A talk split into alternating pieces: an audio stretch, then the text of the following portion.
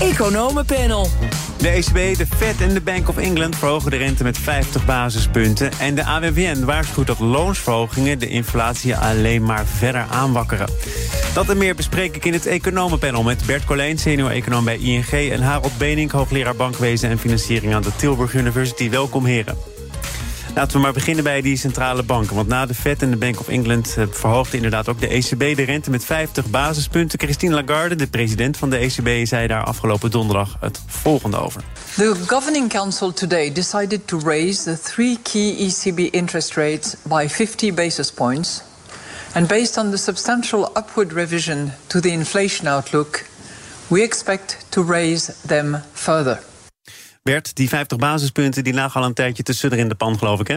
Ja, nee, het was wel duidelijk dat de ECB nog niet klaar was. En uh, de discussie ging er lange tijd een beetje over of het nou 50 of nog een keer 75 basispunten zou worden. Dat hebben we de afgelopen uh, twee vergaderingen van de ECB gehoord. Het is minder, maar tegelijkertijd is de boodschap ehm, zeer serieus van Lagarde. Ehm, dat ze absoluut nog niet klaar zijn. Um, je zag dat beleggers zich al een tijdje een beetje aan het voorbereiden zijn dat de ECB toch wel in de buurt van de piek aan het komen is. en dat probeert Lagarde eigenlijk kost wat kost te vergelijken Ehm, te vermijden dat dat het geval is. Uh, en geeft dus duidelijk aan dat begin volgend jaar de rente uh, nog steeds flink verhoogd zal worden. Als je dit als Lagarde uh, zo bekend maakt en je voegt er allerlei strenge bewoordingen aan toe, namelijk in je persconferentie, waarom verhoog je de rente dan niet met 75 basispunten? Uh, had ze ook kunnen doen. Uiteindelijk ik roep je niet ter verantwoording hoor, Bert. Nee, nee, kijk, uiteindelijk maakt het natuurlijk niet zo gek voor uit... als je in zo'n zo'n korte termijn achter elkaar de rente aan het verhogen bent... gaat het er vooral om wat uiteindelijk uh, de totale eh, rentesprong is die je doet. En of je dan nu nog een kwart procent extra doet... of je doet dat in februari, dat, ja, dat heeft niet zo heel veel verschil, uh, maakt dat. Dus uiteindelijk gaat het er vooral om waar, wanneer stopt de ECB. En daarvan probeert Lagarde eigenlijk in die hele persconferentie... afgelopen donderdag, om ervoor te zorgen dat mensen echt het gevoel hebben dat ze nog lang niet klaar zijn. En dat de, rente, de piek in de rente hoger ligt dan wat beleggers eh, tot afgelopen donderdag nog dachten. Is die boodschap aangekomen, Harold? En op zijn plek? Nou, wat je inderdaad ziet, is dat ook bijvoorbeeld de Fed... die doet het ook niet meer met 75 basispunten omhoog, maar 50 basispunten. Maar die waren eerder begonnen. Ja, die waren eerder begonnen, maar het is blijkbaar een soort trend even, hè, een nieuwe trend. Financiële markten waren natuurlijk uh, negatief verrast door wat Bert al zei... van dat uh, het perspectief van Lagarde, hè, dus uh, we zijn er nog lang niet. De inflatie is nog duidelijk te hoog, dus dat is de boodschap die ze geven. Tegelijkertijd zie je ook dat nu in Zuid-Europa... de weerstand aan het toenemen is. Hè. De Italiaanse minister van Defensie, ook uitgebreid gerapporteerd in de Financial Times afgelopen weekend.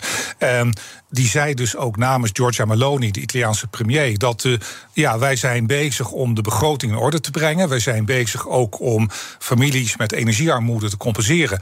Maar wat wij proberen dat geld bij elkaar te schrapen, dat wordt in één middag door één besluit van de ECB, wordt dat weer onderuit gehaald. Omdat natuurlijk de rente die de Italianen moeten betalen over die gigantische staatsschuld enorm omhoog gaat. Macron heeft zich erover uitgelaten. Maar het is toch een klassieke reflex, Harold, ja, dat er in die zuidelijke lidstaten. Zeker, maar dat wil niet met, het is, met het is, minder gejuich wordt gekeken naar wat er in het is een klassieke reflex, maar niet onbelangrijk, omdat het natuurlijk wel om een reëel uh, economisch probleem gaat. Heel saillant vond ik dat het was dus niet alleen de Italianen en de Franse Macron, maar ook een Portugees, namelijk Vitor Constancio, oud vicepresident, vicepresident van de Europese Centrale Bank, die zich buitengewoon kritisch hierover heeft uitgelaten, uitgelaten. Dus we zien dat langzaam maar zeker die spanning in zuidelijk Europa, Frankrijk en de rest van Zuid-Europa begint op te lopen. Dus dat kan nog wel wat vuurwerk worden in de Governing Council van de ECB. Maar ook daar is de inflatie toch gewoon een probleem dat je aan moet pakken. En daar hoort toch ook een renteverhoging bij? Of Jawel, maar het is natuurlijk wel op basis van, we weten allemaal in dit soort hele moeilijke tijden, met grote mate van onzekerheid. We zien dat ook in de voorspellingen van koopkracht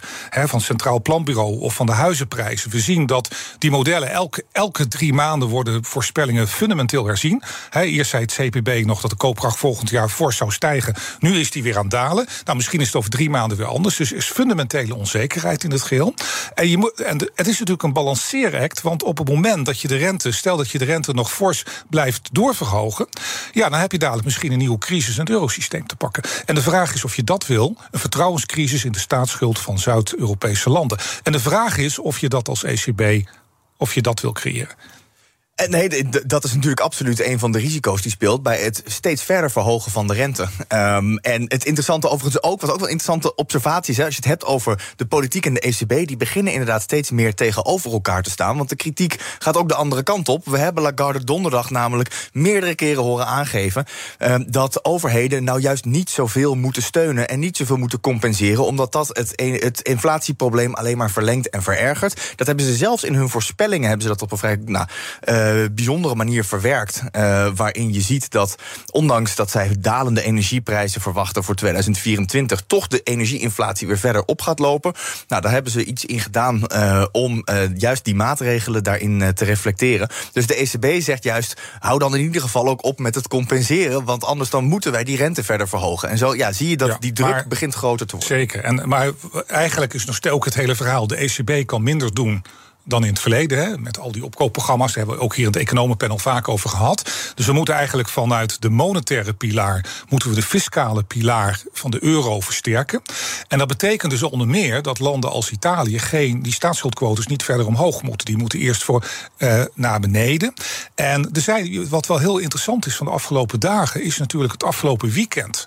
heeft het Europees Parlement met de Europese hoofdsteden een akkoord bereikt over een soort sociaal klimaatfonds. Dus CO2-heffing op energie. Uh, ook voor huishoudens en de transportsector. Maar dat er dan in de armere landen uh, bijvoorbeeld in Oost-Europa, dat er dan vanuit een Europees fonds van iets van 80 miljard, uh, dat daar dan compensatie ja, gaat komen. Dat is echt heel belangrijk, hè, de Solidariteitsfonds.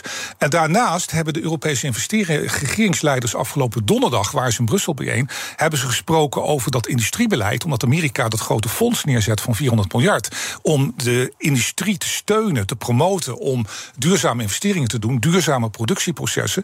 En Europa wil dat niet achterblijven, want dadelijk hebben wij gewoon een ongelijke concurrentiepositie.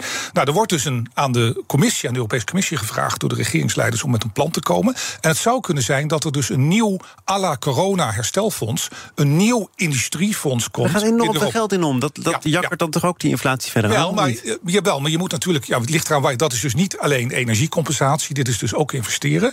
Maar het punt is, als wij gewoon hier achterblijven bij de Verenigde Staten, gaan heel veel Europese bedrijven zeggen van we gaan we niet meer in Europa investeren, maar in de Verenigde Staten. Dus het gaat om hele reële issues hier. Dat is een heel belangrijk punt. En ik denk ook dat er dus een groot verschil is in de manier waarop overheden dan uh, het nieuw gevonden geld aan het spenderen zijn. Heel belangrijk om richting investeringen te kijken. Want de economie is structureel aan het veranderen. En dat, dat moet met investeringen komen. Uh, als dat niet gebeurt, dan heb je een veel langer uh, groeiprobleem. Waarbij de VS inderdaad de voorsprong kan nemen. Helemaal mee eens.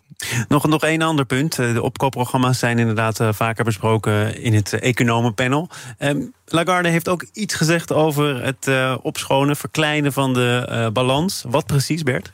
Ja, de, de ECB gaat beginnen met uh, uh, QT, uh, quantitative tightening. We hebben het altijd over QE gehad, verruiming. Nou, nu betekent het. wennen hoor, inderdaad. ja, precies. Nee, dat, dat, dat kennen we helemaal niet van de ECB. Maar wat er nu eindelijk gaat gebeuren is dat ze uh, de grote berg aan obligaties die ze opgekocht hebben, dat ze daar een klein beetje van, van gaan verkleinen. Elke maand 15 miljard eraf voor tot en met midden volgend jaar. En dan kijken ze of van daar aan het sneller kan. Ja, ik denk dat wel als je, als je een moment hebt waarop je dit moet doen, dan lijkt me dit het. Maar je zegt wel eindelijk, eindelijk. Wat jou betreft had het ook wat eerder gemogen? Nou ja, goed. Het is natuurlijk heel lang zo geweest dat we allemaal alleen maar opkopen gezien hebben. En uh, uh, dat de vraag heel erg was van ja, ga je ooit hier wat van, uh, van, van af kunnen bouwen? Nou, die Schuldenberg is gigantisch die ze in bezit hebben. En daar gaat een heel klein beetje van af hoor. Dus het is een heel voorzichtig begin. Maar volgens mij is dat de tactiek ook om begin, voorzichtig te beginnen en dan groter te eindigen.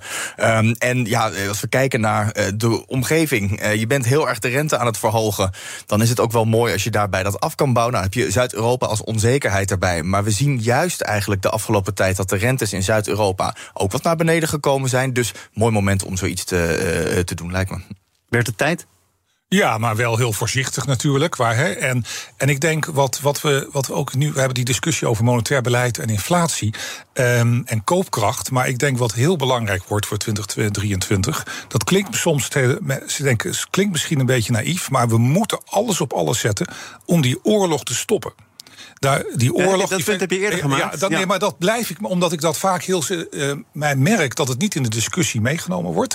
Natuurlijk vanwege de, de, de, de grote uh, verlies aan mensenlevens, wat gewoon doorgaat. Hè. De grote economische destructie.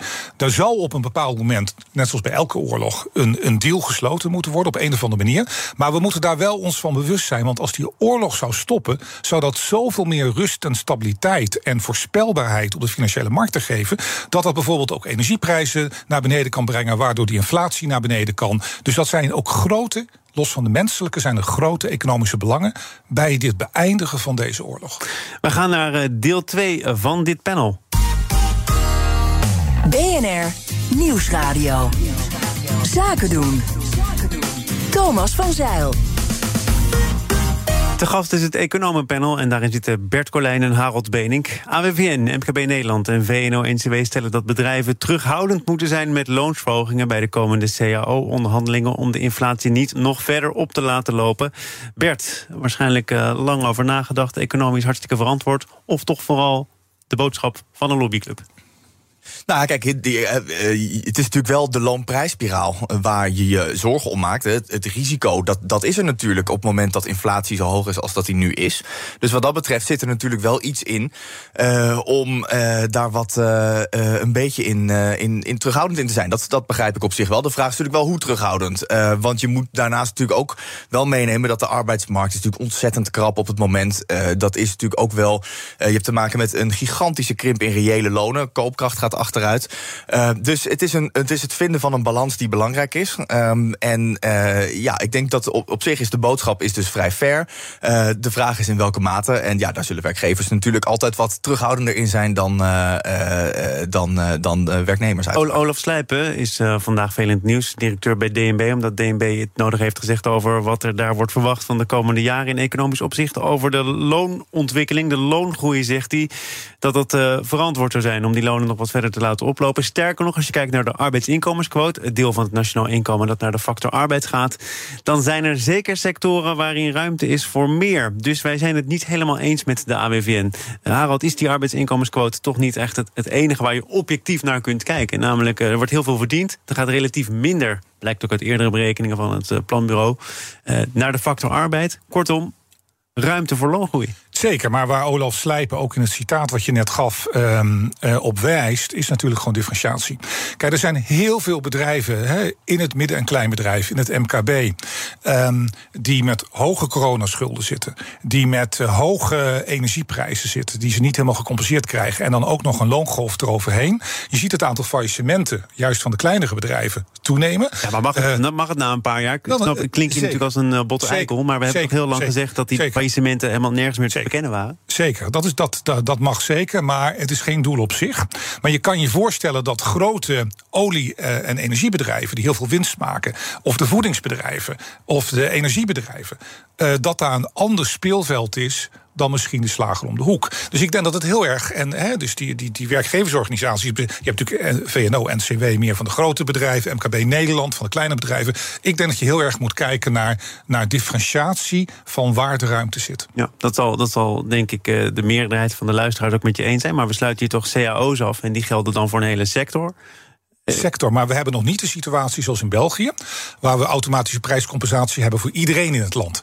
Wat Nederland vroeger ook had, maar dat hebben we ook bewust afgeschaft om toch een zekere differentiatie per sector te kunnen genereren. Er zijn mensen die er wel over fantaseren of we België toch niet weer achterna moeten. Antwoord daarop is dus ja, nee. Nee, want dan krijg, en dan krijg je ook nog dat verhaal wat Bert op uh, doelt, is natuurlijk die loonprijsspiraal. En dat moeten we ook uh, toch een zekere mate voorkomen. Want we hebben in de jaren 70 gezien met de oliecrisis in 73, 79, uh, het haasje over de loonprijs prijsspiraal. Uiteindelijk krijg je gewoon gierend hoge inflatie. En dat is toen alleen maar eh, op langere termijn. En dat is alleen maar gekeerd door zeer restrictief monetair beleid. Vanaf oktober 79, toen Paul Volcker, de beroemde eh, voorzitter van de Amerikaanse Fed.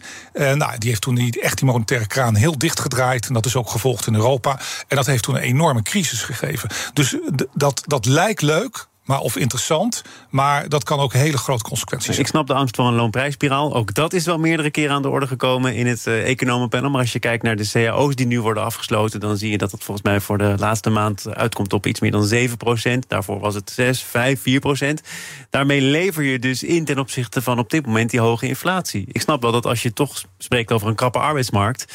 dat vakbonden, en niet alleen de vakbonden, de messen slijpen.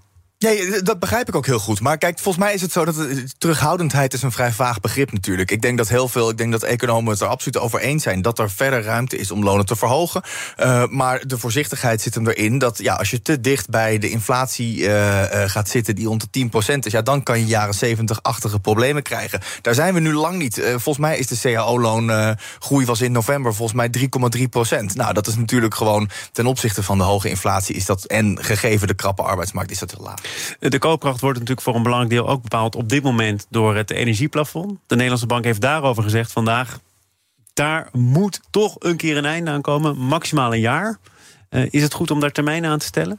Uh, het is ook duur. Uh, het is ook duur. En, en het is de, de, de, DNB is natuurlijk zeker een van de centrale banken die er ook op gewezen heeft dat het een risico is binnen de ECB. Dus wat dat betreft, ja, eh, hoor je natuurlijk dat daar vrij uh, ambivalent op gereageerd wordt. Um, dus wat dat betreft lijkt het me inderdaad verstandig om dat niet heel, al te lang daarmee door te gaan. De Fransen zijn natuurlijk al een hele tijd mee bezig. daar hoor je ook steeds meer gemoor over wat voor een impact dit op de staatskas heeft. Ja, het, is, dat is, het is lastig op welk moment je dat weg moet halen. Zeker als we nu naar volgend jaar kijken, nou, eh, voorspellingen is natuurlijk heel moeilijk, maar we zien natuurlijk wel dat we straks weer een flinke uh, hoeveelheid gasvoorraad moeten gaan vullen. Dat moeten we met minder Rusland doen dan vorig jaar. Dus dat die energieprijzen weer hoog zullen blijven in de loop van het jaar is nu de verwachting. Um, ja, dat, dat betekent dat het, je ergens een moeilijke beslissing moet gaan maken wanneer je dat de dan exit. stoppen. Ja, de exit. Een jaar? Nou, wat mij opvalt, uh, Thomas, in dit debat is uh, zeg maar uh, dat we steeds van 0 naar 1 gaan. He, dus in de zomer was het zo dat het kabinet zei: we kunnen niks doen. Toen ook hier bij jou, hier bij het economenpanel, heb ik mij toen in die discussie gemengd. Dat je zegt van nou, het plan van Eneco, alleen mensen tot 43.000 euro. Met een soort digitaal portaal kun je toetsen bij de Belastingdienst of iemand meer, meer of minder dan. Net als woningcorporaties. Ja, bij de woningbouwcorporaties. Nou, dat verhaal is toen niet uitgevoerd. Heeft een heel generiek plafond gedaan voor iedereen. Uh, en nu lijkt het erop, ja, omdat zoveel geld kost, dat we zeggen: ja, maar vanaf uh, na 2023 dan kunnen we helemaal niks meer doen. Maar dat vind ik dus, we zitten constant te laveren tussen 0 en 1. Terwijl ik mij heel goed kunnen voor, kan voorstellen van gezinnen met twee kinderen met lage inkomens. Um, en dan te zeggen, ja, gaat u maar, stel dat die prijzen, zoals Bert ook zegt, weer, weer omhoog gaan, omdat we gasvoorraden gaan aanvullen. En die mensen moeten 500 euro per maand extra betalen met twee kinderen. Dat gaat hem dus niet worden. Dan ga je dus ga je weer misschien uh, tot op een miljoen gezinnen met lagere inkomens in financiële je problemen hebt nu een jaar storten. de tijd om iets te je moet erover voor die groep. nadenken. Dus ik denk dat je uiteindelijk waar je wil uitkomen een veel minder genereuze regeling. Maar ik denk dat je dus niet kan zeggen dat je het allemaal maar vanaf 2024 helemaal gaat afschaffen. We gaan naar het uh, Verenigd Koninkrijk dat uh, geteisterd wordt door stakingen. Een belangrijk deel van de publieke diensten, waaronder de verpleging, legt de werkzaamheden neer. Bert, uh, ja, er zijn mensen die het over Nederland zeggen. In wat voor land leven we? Maar dat kun je in het Verenigd Koninkrijk ook wel zeggen, denk ik. Het is er roerig geweest hè, dit jaar. Het is Och, ja, en, en dan nu inderdaad uh, uh, net nieuwe premier Sunak. En die krijgt dit, uh, dit op zijn bordje. ja, het is, het is natuurlijk heel groot. de, de omvangrijkheid van deze staking is, is gigantisch. Um, je ziet de druk op hem toenemen om wat, wat toe te geven. Nou, het is natuurlijk heel erg gerelateerd aan het vorige onderwerp. hoeveel loonruimte is er? Nou, in het VK zegt de overheid dat dat eigenlijk erg tegenvalt. En dat is natuurlijk niet uh, ongerelateerd aan wat we net met de uh, vorige regering gezien hebben, Liz Truss. Uh, het is nog heel vers in het geheugen. Uh, ja, Sunak wil niet te veel toegeven, want het is natuurlijk heel kostbaar om grote groepen, overheid, semi-overheid, grote loonsverhogingen te Maar geven. er zijn er Terwijl ze juist gewoon- op zoek zijn naar bezuinigingen. Ja, maar er zijn er daar gewoon te weinig mensen. En dan kom je toch ook weer terug bij de Brexit. Een van de grotere drijfveren achter de Brexit was arbeidsmigratie. Hè? Het feit dat daar veel mensen kwamen uit landen die, nou ja, in ieder geval daar werk verrichten, de, de lonen drukten. En nu zie je al dat een werkgeverslobby op gang gekomen is om ervoor te zorgen dat de arbeidsmigratie toch weer op gang komt, omdat het met alleen de Britten blijkbaar ook niet lukt. Dat is zo. Dat, en dat zag je natuurlijk meteen dat dat het geval was. En dat was ook al van tevoren was dat wel de verwachting dat inderdaad migratie hier erg door beperkt zou worden. Natuurlijk ook een van de bedoelingen eigenlijk. Nou, dit zijn daar, is daar de wrange nasmaak die het VK daarvan heeft. En je moet het ook aan uh, de hele COVID-crisis relateren. Daar heeft uh, de Britse zorg heeft daar uh, onder enorme werkdruk gestaan. Hier ook, maar daar is dat, uh, dat ook zeker het geval. Uh, dus dat die om meer loon vragen, ja, dat is natuurlijk, natuurlijk logisch in deze situatie. Ja. En we moeten ook goed uh, ja, in de gaten blijven houden dat het niveau van wat die mensen verdienen, hè, in die National Health Service in Engeland, en het niveau wat ze hebben en van voorzieningen, dat dat toch een stuk lager is dan in Nederland. Ik volg altijd, is een bekende journalist Simon Cooper van de Financial Times, opgegroeid in Nederland, in de buurt van Leiden. En toen een paar jaar geleden verkiezingen waren in Nederland, toen had de Volkskrant een artikel van de armste gemeente van Nederland en in Noordoost-Groningen de Simon Cooper voor de Financial Times daar naartoe. Heeft er de grote drie pagina's over geschreven. Hij zegt, daar zie keurig geverfde huizen, aangeharde tuintjes. Hij zegt, als je dit dan het laagste niveau noemt van Nederland... nou, dat is bij ons in de achterbuurten in, eh, in het Verenigd Koninkrijk... is dat nog ultra luxe. Dus de, nou, onverlet laten dat, dat in die sociale wijken in Nederland... duidelijk ook problemen zijn. Maar het niveau in die achterbuurten, achterstandswijken in Engeland... is vele malen lager. Dus het land is veel armer. De sociale onderklasse is daar veel dramatischer dan een land als Nederland. Dus ik denk dat dat, dat zie je nu ook eh, in deze nieuwe winter of discontent. Hè, met al die stakingen die eraan komen. Ja, wellicht kunnen ze wat meer belastingen verhogen. En dan vooral misschien ook de vermogensbelasting. Ah, dat is toch, dat is toch aangekondigd. Als je kijkt naar de grote verschillen tussen Truss en Sunak... was dat onder andere, ik ga toch een ander begrotingsbeleid voeren. Zeker, ja. Uh, maar tegelijkertijd wil die hier dus niet al te genereus zijn. Nee, maar het ligt wel daar in het Verenigd Koninkrijk echt een probleem met sociale armoede. En, uh, en dat is denk ik niet in het belang van het land zelf. Hoe gaat deze winter er in uh, het Verenigd Koninkrijk dan verder uitzien? Want het is ook in niemands belang om deze stakingsgolf uh, aan te laten houden. Nee, zeker. Dat is absoluut zo. En ja, de kans is dus heel groot dat er uiteindelijk toch water bij de wijn gedaan gaat worden. Want het is ook politiek heel gevoelig. Uh, er zit heel veel, uh, heel veel steun, zeker voor de zorg. Uh, dus de kans is groot dat er uiteindelijk toch wat, toch wat gedaan zal moeten. En anders wint notabene Labour de volgende verkiezingen. Dat kan Soen ook toch ook niet willen? Dat, dat, lijkt me niet inderdaad dat hij dat wil. Nee, dat lijkt me een open deur. Nee, maar ik, ik geloof dat Labour voor het eerst in tijden ook weer populair is in de polls natuurlijk jarenlang afgeschreven. En nu uh, zijn ze er weer, wind in de zeilen. Harold Benink, hoogleraar bankwezen en financiering aan de Tilburg University, was hier net als eh, Bert Colijn, senior-econoom bij ING. Dank voor jullie komst. Zometeen de Oekraïne-update met Bernard Hammelburg. Bij BNR ben je altijd als eerste op de hoogte van het laatste nieuws. Luister dagelijks live via internet. Jelle Maasbach. Wesley Weert. We zijn er voor je met het leukste, opvallendste, maar natuurlijk ook het belangrijkste nieuws. Tijdens de presentatie van die halfjaarcijfers toen die beurskoers in elkaar kukkelde. BNR Beurs. Voor de slimme belegger. Blijf scherp en mis niets.